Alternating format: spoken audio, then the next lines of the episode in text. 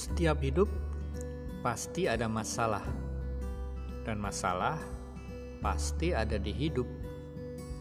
Mari kupas tuntas tentang permasalahan hidup di taman belakang.